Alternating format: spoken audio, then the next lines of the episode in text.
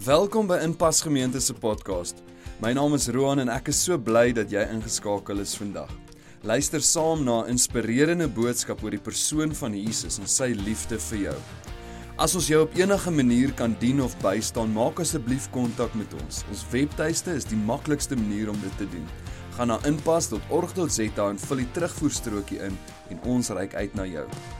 As hierdie podcast 'n impak maak in jou persoonlike verhouding met Jesus, wil ons jou uitnooi om jou geloof prakties uit te leef. Jy kan dit doen deur vrygewig te gee sodat Inpas Gemeente die goeie nuus van Jesus kan verkondig. Kyk gerus op inpas.org.za hoe om 'n bydrae te maak. En nou, sit gerus terug en geniet die boodskap.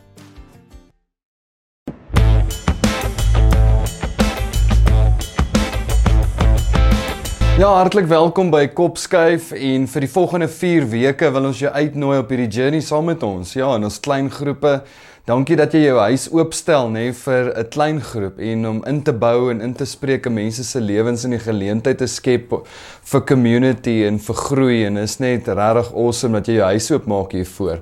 Ja, vir die volgende paar weke praat ons oor ons gedagtewêreld, hoe belangrik dit is. is ek ek glo dat as ons ons gedagtes kan verander, kan ons ons hele leefwêreld verander. Ehm um, dis nie net ek wat so sê nie. Ek dink ons almal het dit al beleef eers in jou lewe, nê. Ehm um, ek dink sommer net aan my gedagtes, baie keer het ek gedagtes wat positief is en vrolik is en lekker is en die volgende oomblik het ek negatiewe gedagtes van twyfel en baie keer selfs hopeloosheid, nê. Nee, baie keer voel dit vir jou jy's naby aan die Here en aan ander kere voel dit weer vir jou, "Jog, maar nou is ek bietjie ver van die Here." Sielkundiges is eens dat die uitdagings wat ek en jy in ons lewens het, kan net gewen word in ons gedagtes. En ek weet dit klink logies as ons dit teoreties sê, maar baie keer in die praktyk in die regte lewe dan probeer ons probleme oplos aan die buitekant, maar eintlik is die groot ding ons probleme word opgelos aan die binnekant in ons gedagtewêreld. Dis waar ek en jy ons uh battles fight en dis waar ons oorwinning gaan kry.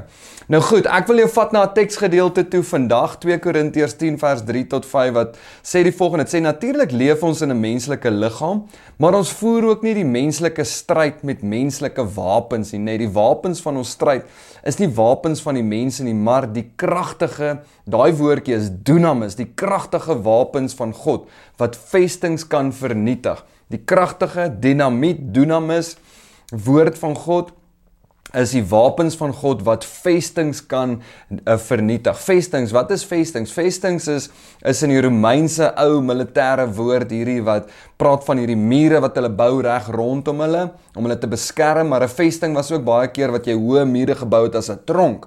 En in hierdie konteks gebruik Paulus dit as 'n tronk.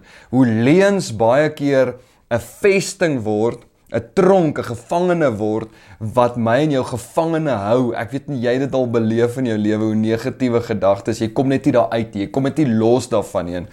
En ek wil jou vandag aanmoedig dat deur hierdie 4 weke glo ek dat jy gaan oorwinning kry oor jou gedagtes en jy kan jy kan deur die woord van die Here en deur die leiding van die Heilige Gees kan ek en jy oorwinning kry oor ons negatiewe gedagtes. Nou goed, hoe kry ons dit? Hy gaan verder. Hy sê vers 4: "Daarmee vernietig ons die redenasies." Vers 5: "In elke hooghartige aanval wat teen die kennis van God gerig word, wat se kennis van God, is die plan wat die Here vir jou lewe het, wat die vyand ons van weer wil weerhou deur 'n vesting ons gevange te hou. Hy wil ons weerhou van die plan van die Here. Hy sê ons neem, hoe doen ons dit? Ons neem elke gevangene, elke gedagte gevangene om dit aan Christus gehoorsaam te maak. Nou ek onthou toe ek opgehou rook het. Kyk 'n ou probeer baie goed, nê, nee, plak daai plakkertjies en kou ehm um, grondboontjies en probeer enige iets om jou aandag af te kry. Maar op die einde van die dag die groot ding wat vir my gewerk het in daai tyd was om my gedagtes te vernuwe. Om elke keer daai sigaret sit te kyk en te sê jy gaan nie my toekoms steel nie. Ek neem elke gedagte gevangene. Jy sal nie my toekoms steel nie en ek bely 'n belofte van die Here. Die Here het vir my 'n beter plan. Hy het vir my 'n blink toekoms. Um hy het my die kop gemaak en nie die stert gemaak nie. So sielkundiges leer ons dat die meeste van ons gedragsprobleme kom eintlik van denkprobleme, denkeprobleme af. Um as jy nou dink aan verhoudingsprobleme, eetversteurings, sommige verslawings en en uh vorms van angs, kan alles gelei word na 'n verkeerde manier hoe ek en jy dink of oor onsself of oor ons situasie.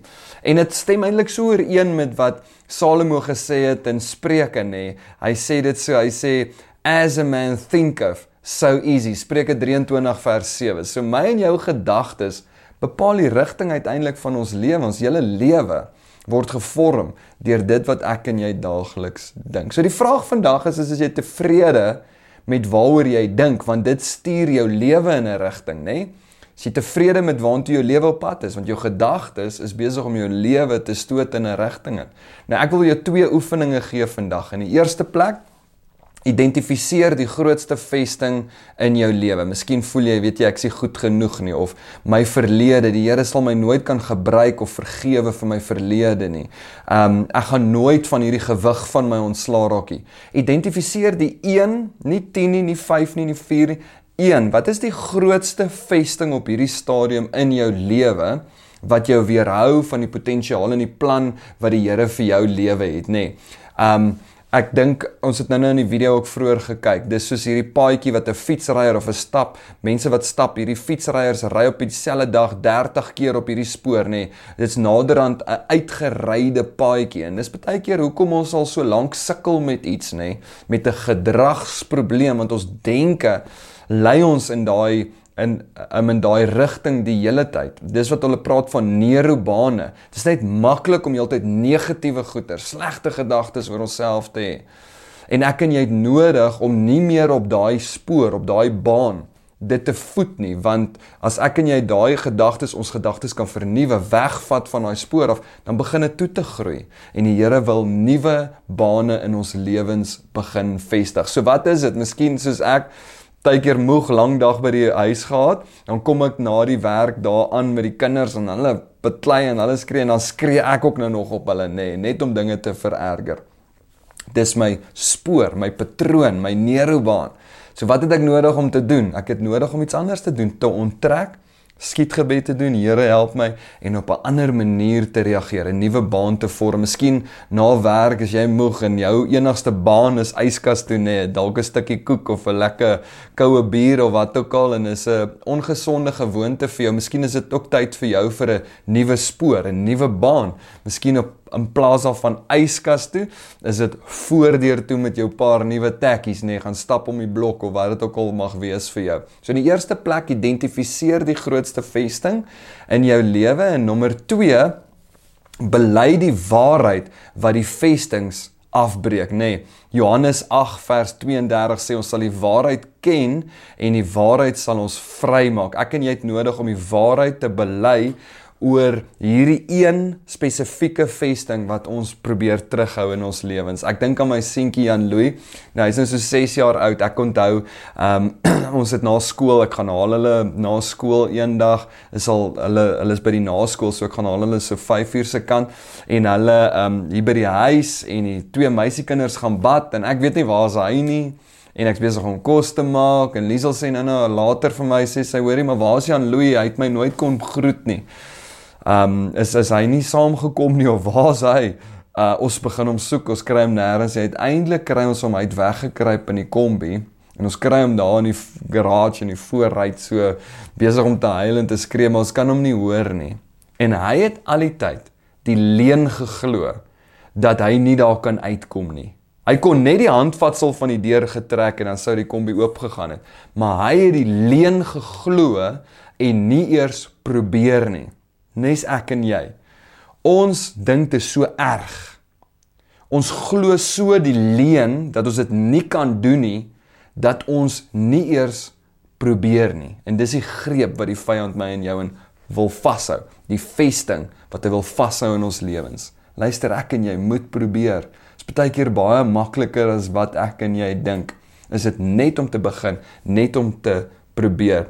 Hoe doen ons dit? 2 Korintiërs 10 vers 5. daarmee vernietig ons die redenasies en elke hooghartige aanval wat teen die kennis van God, die planne wat die Here vir my en jou lewe het, gerig word. Ons neem elke gedagte gevangene om dit in Christus gehoorsaam te te maak. So wat is die grootste leuen, die grootste vesting in jou lewe wat jou terughou? En dan nommer 2, wat is die waarheid wat ek en jy gaan spreek daaroor? wat ons kan vrymaak. Miskien sê jy vandag, weet jy Roan, ek het 'n ek het 'n swak selfbeeld. Ek dink nie ek's mooi, ek's goed genoeg of mooi genoeg nie. Dan vat jy 'n teksgedeelte soos Psalm 139 vers 14 wat sê: "U het my op 'n wonderbaarlike wyse geskape," nê. Nee. En jy voel dit dalk nie, maar jy bely dit. Wat u gedoen het, vervul my met verwondering. Vervang hierdie leuns met die waarheid totdat jy dit begin glo. Miskien sê jy ek voel ellendig en alleen. Nee, dan bely jy, die vreugde van die Here is my krag. Hy sal my nooit alleen los nie. Nee, miskien voel jy jy's 'n slagoffer en bely jy vandag dat ek is meer as 'n oorwinnaar in Christus Jesus. So wat is die uitdagings in jou lewe, in jou gedagtewêreld? Wat is dit? Wat is die grootste vesting wat jou terughou? En wat is die waarheid wat jy daaroor moet spreek? Julle, die uitdagings wat ek en jy in ons lewe het, is nie aan die buitekant nie, dis in ons gedagtes. En ek wil jou aanmoedig om vandag 'n plan te begin te beraam. Oor hierdie 4 weke gaan ons jou op 'n praktiese wyse begin help hoe om beter grip te kry op jou gedagtes. Maar vandag net eenvoudig, wat is die grootste vesting wat jou probeer terughou? En dan wat is die waarheid wat ek en jy moet spreek? En sodat die Here ons kan vrymaak daarvan. Kom ek bid saam met jou. Hemelse Vader, dankie dat ons vandag kan saam wees. Ek bid dat ons hierdie een grootste vesting kan identifiseer en dat U ons ook sal bewus maak van U waarheid, U woord wat U spreek in ons lewens. Amen. Baie dankie dat jy saam met ons hierdie tyd geniet. As jy in 'n klein groep is, bly asseblief ingeskakel. Ja, hier volg 'n paar vrae wat julle heerlik kan saam bespreek en verder op reis. Totsiens, sien jou volgende week.